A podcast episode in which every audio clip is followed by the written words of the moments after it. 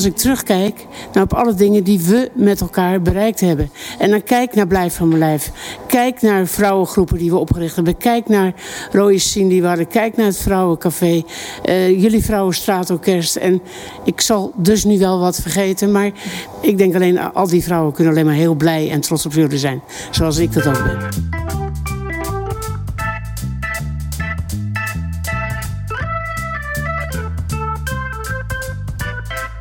Welkom bij de podcast De Roerige Jaren 60 in de Eimond. Het beeld van de jaren 60 wordt doorgaans bepaald door rebellerende jonge mensen zoals de hippies, provo's en dolomina's. En het zijn vooral beelden uit Amsterdam die in ons collectieve geheugen zitten. Beelden van het Lievertje, het Vondelpark of dolomina's die mannen nafluiten in de binnenstad van Amsterdam. Maar hoe was het hier in de Eimond in de jaren 60? Wat merkte je hier van de snel veranderende tijdgeest?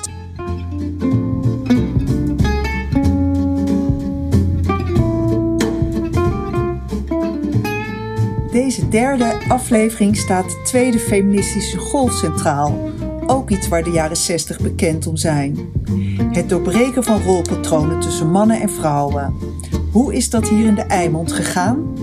Waren hier ook Dolomina's zoals in Amsterdam of ging het hier heel anders? Samen met Stijn Gabeler maak ik deze podcast. Stijn, ben je er klaar voor? Ja, leuk. Weer een nieuwe aflevering. Heb je iets met uh, doorbreken van rolpatronen?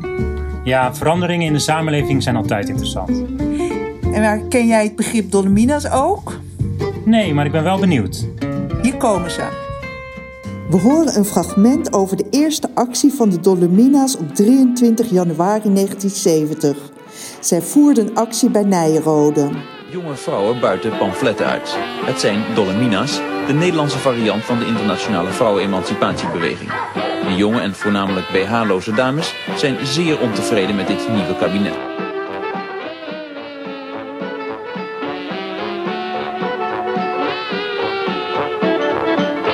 Zo drongen de dames een kasteel binnen waar zakenlui worden opgeleid en waar dames taboe zijn.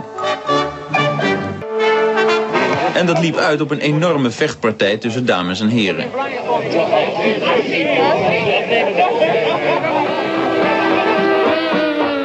Dit is in 1970 op Nijrode, een opleiding waar vrouwen toen niet op mochten.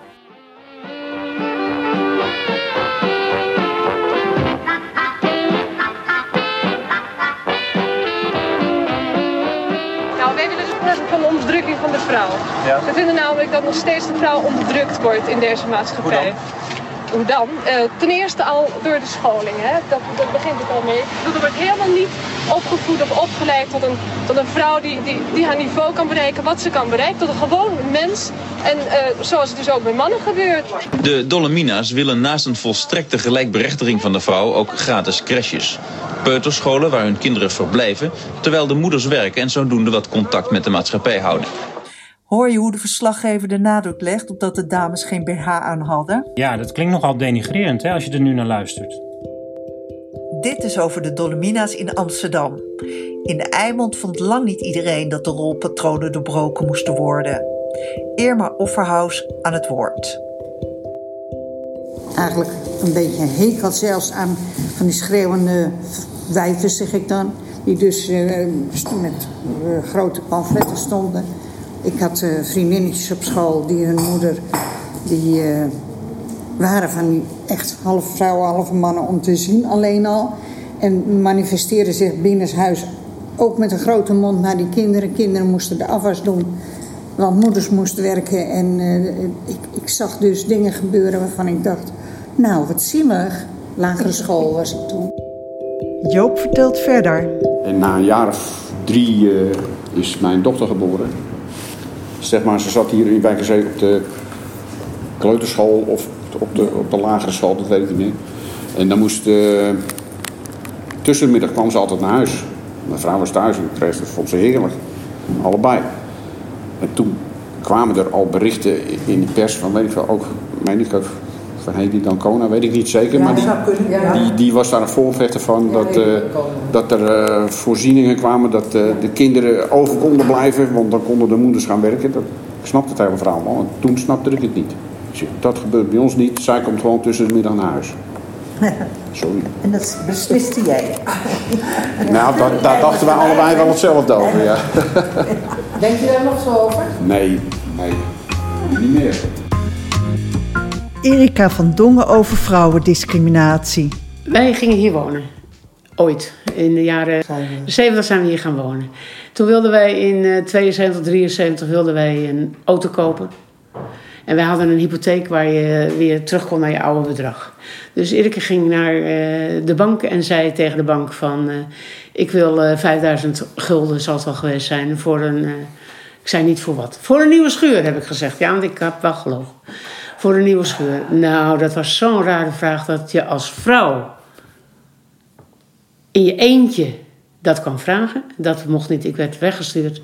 Zo van, ga maar een briefje halen van, eh, van je echtgenoot. En ik zeg, als hij nou in zijn eentje komt, dan is het goed. Maar ik moest een briefje meekrijgen van mijn echtgenoot. Om 5000 gulden te krijgen voor een eh, nieuwe schuur. Ja, je was niet handelingsbekwaam. Ik was niet handelingsbekwaam.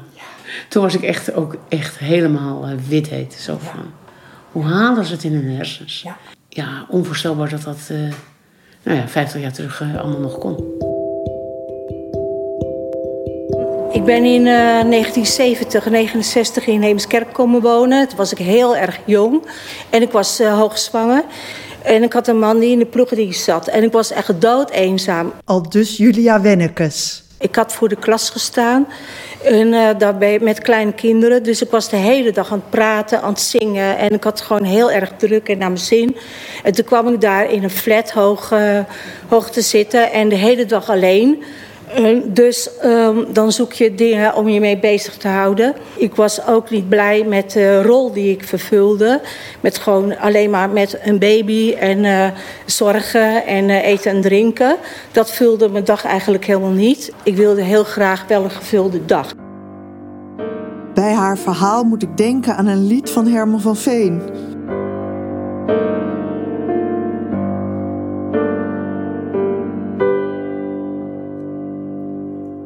Trouwt snel als je twintig bent en na een paar jaar krijg je druk.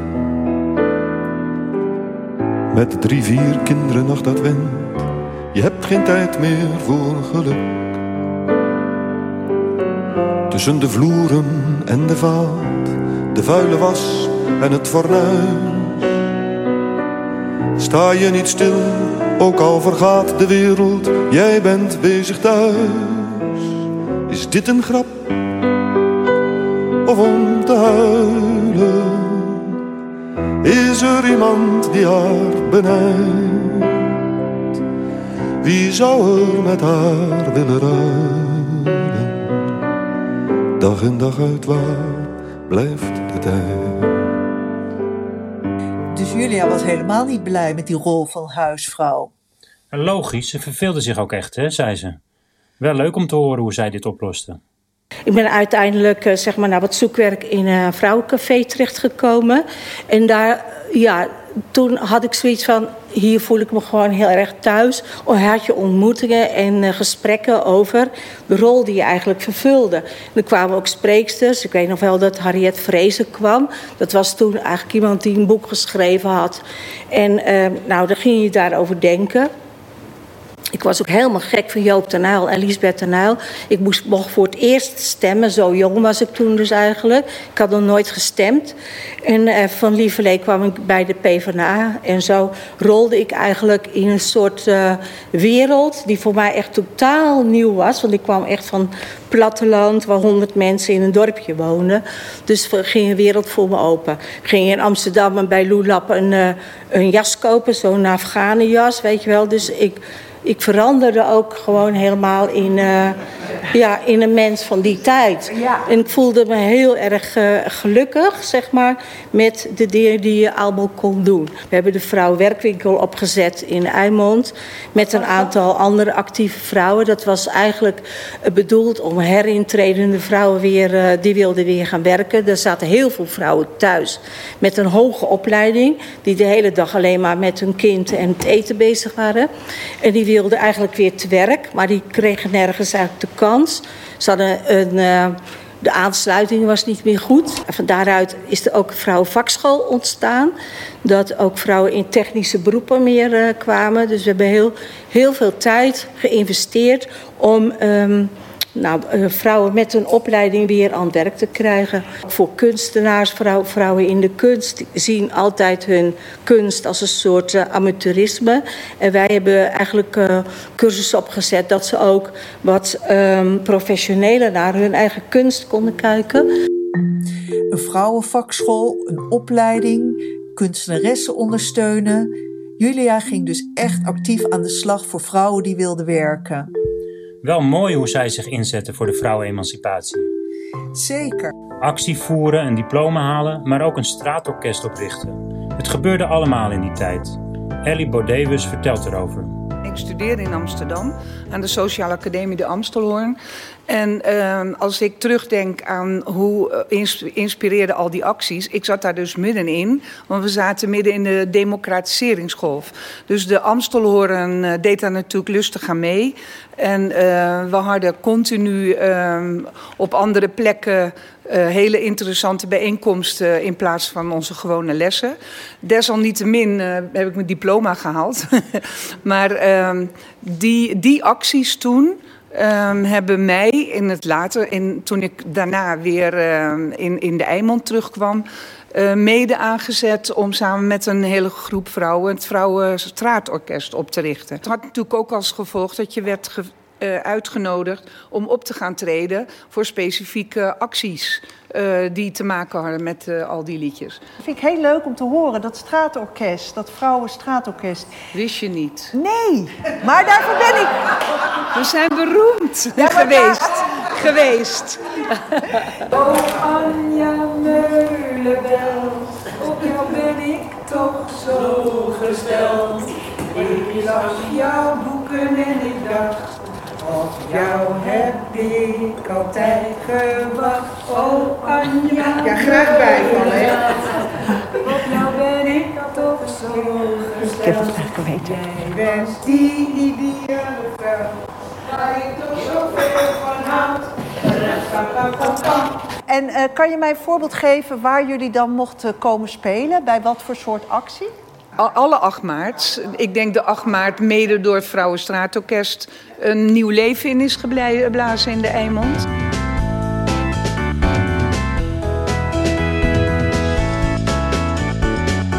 Lia de Ridder vertelt hoe zij feminist werd en over de acties van de Rode Vrouwen. Ik ben van de 44, dus uh, ik was natuurlijk nog vrij jong in de jaren 60 als je dan twintig bent, ja, dan ben je toch meer bezig van, uh, met naar leuke jongens kijken dan met emancipatie. Maar ik had het wel al meegekregen thuis van mijn moeder. Mijn moeder was al, uh, die streed thuis uh, en er was heel veel ruzie om thuis, dat ze graag wilde werken. Wat mijn vader verbood, omdat hij inderdaad echt zei van, ik ben degene die het geld verdient. En nou, mijn moeder is toen stiekem uh, baantjes gaan uh, waar mijn vader helemaal niks van wist. Ja, dat heeft ze niet lang kunnen volhouden, want ja, dat komt natuurlijk toch uit. Ja, maar dat was altijd een strijd. Dus die strijd heb ik wel meegekregen van thuis. En ik dacht, nou, als ik uh, later groot ben, dan wil ik dat in ieder geval niet zo. En dat is ook gelukkig niet gebeurd. Toen ik lid werd van de Partij van de Arbeid... en ik heb natuurlijk ook in de gemeenteraad gezeten... voor de Partij van de Arbeid in Heemskerk... Toen was ik natuurlijk ook lid bijna automatisch van de rode vrouwen. En daar heb ik best wel wat uh, dingen meegemaakt in die zin dat we uh, middagen en avonden gaven voor vrouwen om te vertellen wat het inhoud, inhield om als vrouw geëmancipeerd te zijn. En toen kon je merken dat, dat het echt nog in de kinderschoenen stond. Want het was heel raar, vaak na dat soort middag- en avonden uh, kwamen de vrouwen soms de volgende keer bijna huilend terug. Die mochten eigenlijk niet van hun man hier naartoe. Uh, omdat ze, nou, die, die vonden dat misschien wel beangstigend. Of die dachten van, wat gebeurt er nu met mijn vrouw? Dus we hebben heel veel moeten praten en uitleggen. En vooral ook omdat 8 maart, ja, daar mochten toen, nou, ik geloof nu nog niet, maar dat weet ik niet meer, uh, geen uh, mannen bij. En er hebben wat mannen voor de deur gestaan die naar binnen wilden. Nou, er is wat strijd geweest uh, om ze te weren. En nou ja, dan kreeg je ook inmiddels gelijk een stempel opgedrukt. Nou, dan was je zeker lesbisch. Ja. En je was een, een vrouw die ergens niet deugde, want je was te stoer of je had een te grote mond. Dus ja, dat is altijd wel een enorme strijd geweest. Veel vrouwen die ik heb gesproken zaten bij de rode vrouwen van de P van de A. Ik denk dat die rode vrouwen hier in de Eimond zo'n soort functie vervulden als de Dolomina's elders. Erika van Dongen is trots op wat ze gezamenlijk tot stand hebben gebracht in de Eimond. Wat was dat dan waar ze zo trots op was? Nog meer dan dat we al gehoord hebben? Zeker. Uh, toen zijn we begonnen met uh, nou ja, Blijf van mijn lijf, buitenspeelzalen, daarna kinderdagverblijven oprichten meer zo van, uh, het is noodzakelijk en niet alleen voor mezelf. Ik heb ook altijd gezegd, doe het voor mijn kindskinderen. Een kinderdagverblijf heb ik opgericht voor mijn kindskinderen, zei ik altijd. Want Tanja, de jongste, die was toen vier, toen het echt kwam. En toen zei ik ook altijd, die heb ik opgericht voor mijn kindskinderen. En die hebben er ook van genoten. En genieten er nog van. Was het lastig om die dingen voor elkaar te krijgen? Hoe ging nou, dat? wat denk je? Neem mij mee naar die tijd. Buitenspelzalen ook, dat uh, was natuurlijk eigenlijk was toch onzin dat dat moest gebeuren. Uh, ja, ik wil even kinderdagverblijf nog veel grotere onzin. Want vrouwen moesten gewoon thuis zijn en moesten niet zeuren. En uh, moesten gewoon de kinderen opvoeden. Dus even meer in die, in die konterijen. En toen waren we dus al met een groep. En ook met die, wie ik net noemde, uit Wijk, uit, Wijk aan Zee. En toen hebben we met elkaar gezegd, ook we niet zeuren, we gaan het gewoon doen.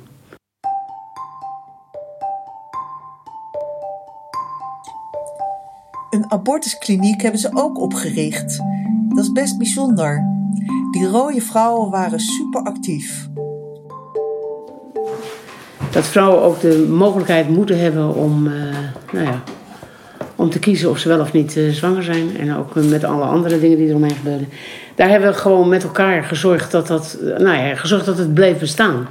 Het is op een gegeven moment wat stiekem opgericht, zeg ik nu even voor mezelf. En daarna hebben we gezorgd dat het is blijven bestaan met de connecties die wij ook hier hadden in, in de politiek. Twee dingen die ik toch in ieder geval aan de orde wil hebben, is Blijf van mijn lijf. Waar die meiden, nou ja, Ellie en In, heel actief in geweest zijn.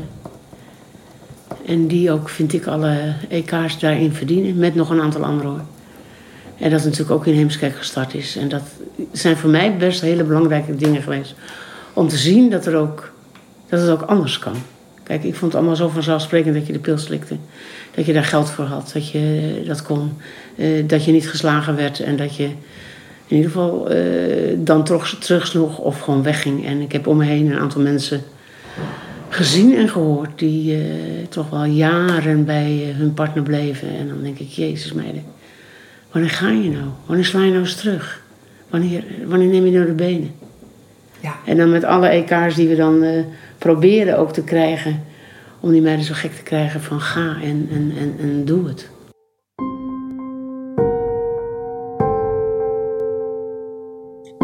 Maar waren er alleen de rode vrouwen die zich organiseerden? Waren er geen andere politieke partijen die zich met vrouwenemancipatie bezighielden? Jawel, ik sprak ook Puk Witte van de VVD. En ik ben de oprichter van in 1978 van de VVD Vrouwen Middenkennemerland. In die periode was er een rijksbijdrageregeling emancipatieactiviteiten. En in dat kader organiseerden wij dus cursussen. En wij hadden ook een heel goed contact met de rode vrouwen. En er was 1978 was de gemeenteraadsverkiezingen, was de campagne. Nou, de rode vrouwen liepen in tuinbroeken op een bakfiets rode radijsjes uit te delen. En de VVD-vrouwen waren met Telenka-rokje en parelkettingjes... waren ze dus mandarijntjes aan het uitdelen. Maar we ontmoetten elkaar bij Donna Luisa. Daar gingen we dus samen koffie drinken.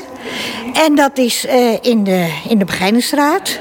En daar hebben we dus, uh, nou ja, zeg maar nadat we samen ook over de Breefstraat hadden gelopen tijdens de markt. Hè, maar er was toen nog niet de markt daar. Maar, en uh, nou ja, dus uh, gewoon met elkaar wel een heel goed contact.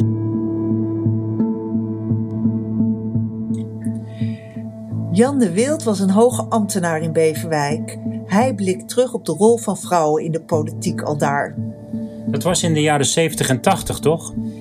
Jawel, maar dat was wel een mooi vervolg op de roerige jaren 60. Uh, in de jaren 80, eind jaren 80, was Beverwijk de eerste gemeente in Nederland waar vrouwen in de meerderheid in de raad hadden. Ja. Daar was er nog heel trots op. Uh, dat is een, een, gevolg geweest van een uh, jarenlang ingezette emancipatorenbeweging binnen de gemeenteraad van Beverwijk. De Eimond, vooral Beverwijk, was dus een van de eerste gemeenten die een meerderheid van vrouwen in de raad had. Meer vrouwen dan man in de raad. Dat was toen nog best uniek. Ja, zeker. Maar Jan was niet altijd zo blij met die vrouwen in de politiek. Het veranderde nogal wat. In 1983, 84 deed zich een interessant incident voor in de gemeenteraad. Uh, een van de raadsleden, die, uh, vrouwelijke raadsleden, die vond dat het al te mannelijk werd en dat er alleen maar mannenpraat was, ging in de gemeenteraad zitten breien. En uh, Gerry van Delft. En uh, dat uh, Ik heb wekte, ook mannen zien breien. Wekte grote woede. ook, ook bij mij. ook bij mij. Wat, wat maakte jou woedend? Vind ik interessant. Ik, vond, ik vond dit dat je dus, het, het, niet serieus nam. Maar het interessante is wat er gebeurd is. Ik, heb, ik dacht, ik ga, dat, ik ga dat bespreken. Ik ga het bespreekbaar maken, was in die tijd ook zo. Dus ik heb met Gerry een heel persoonlijk en intensief gesprek gehad. En haar proberen uit te leggen dat ik mij beledigd voelde. Ik was dat met gemeentesecretaris. Dus ik denk, neem je het wel serieus? Uh, hier een beetje een potje gezet breien. We zijn niet aan het vergaderen, ja. En uh, daar hebben we een heel interessant en goed gesprek gehad. Wat ons een levenslange vriendschap heeft bezorgd. Uh, over en weer begrip. En dat is voor mij ook een doorbraak geweest. Er kwamen twee vrouwen in het college van BMW wat tot dan een mannencollege was. Dat is een enorme verandering geweest. Ik heb van mijn leven uh, in de hele vergadercircuit niet zo'n grote verandering meegemaakt als toen de vrouwen in het college kwamen. Het werd compleet anders. En, het, was, en het, het, leuke daarvan, ik vond het zelf ik vond het geweldig omdat je eindelijk eens een keer gewoon lekker vanuit je hart kon praten. Want in, een, in zo'n mannengezelschap is het zo, daar moet je zorgen dat je overeind blijft. En dat je uh, goed in je verdedigingslinie zit. Je bent permanent bezig met elkaar te bestrijden. En vrouwen maken de doorbraak. Nou, dat je op een gegeven moment ook op een gegeven moment zeggen... Gadverdamme, ik heb hier geen zin in.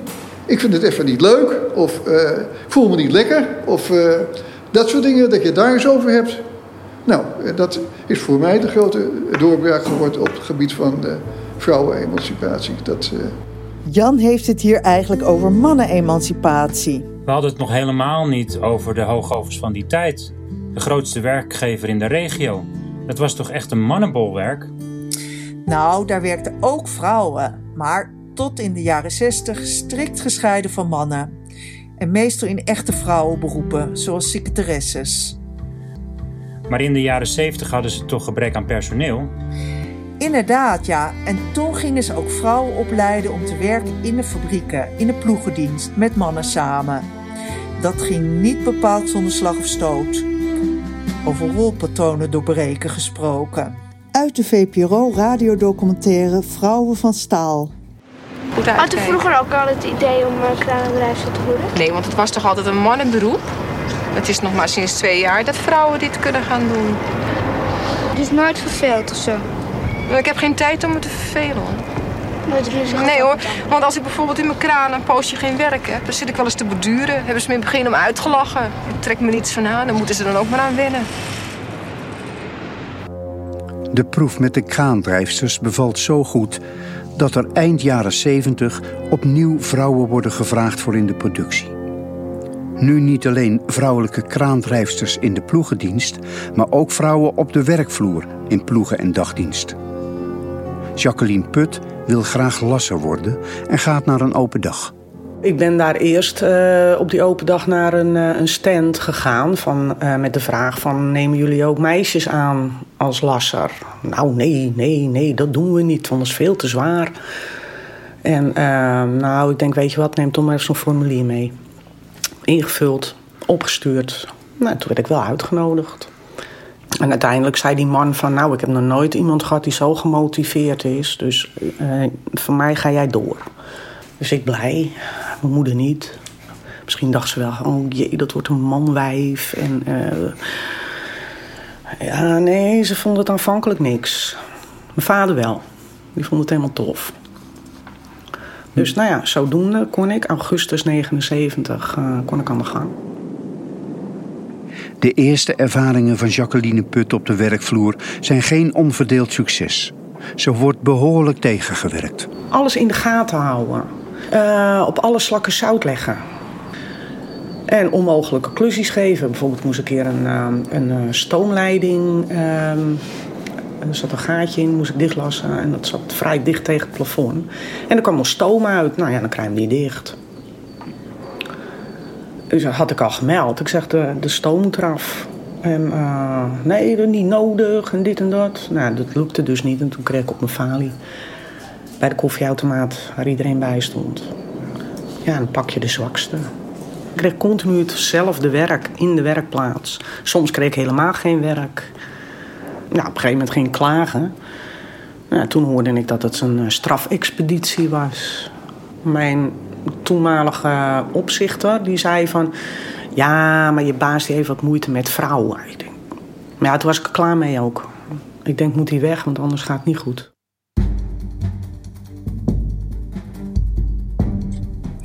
Er werd de vrouwengroep Hoogovens als onderdeel van Industriebond FNV opgericht. Dit was echt hard nodig om vrouwen te beschermen. Opnieuw een fragment uit de VPRO-radiodocumentaire Vrouwen van Staal. Tini Zandbergen, vanaf 1972 werkzaam bij Hoogovens, is een van de oprichters van de vrouwengroep. Wij, wij, wilden een aantal dingen dus ook gewoon als vrouwen. We wilden kandidaat stellen voor de OR. We wilden kinderopvang. Dat is ook zo'n punt waar uh, de meeste mannelijke vakbondsleden, niet allemaal, maar ja, het nut niet van zagen. Dus dat waren gevechten binnen vakbondsvergaderingen. We waren redelijk ja, actief.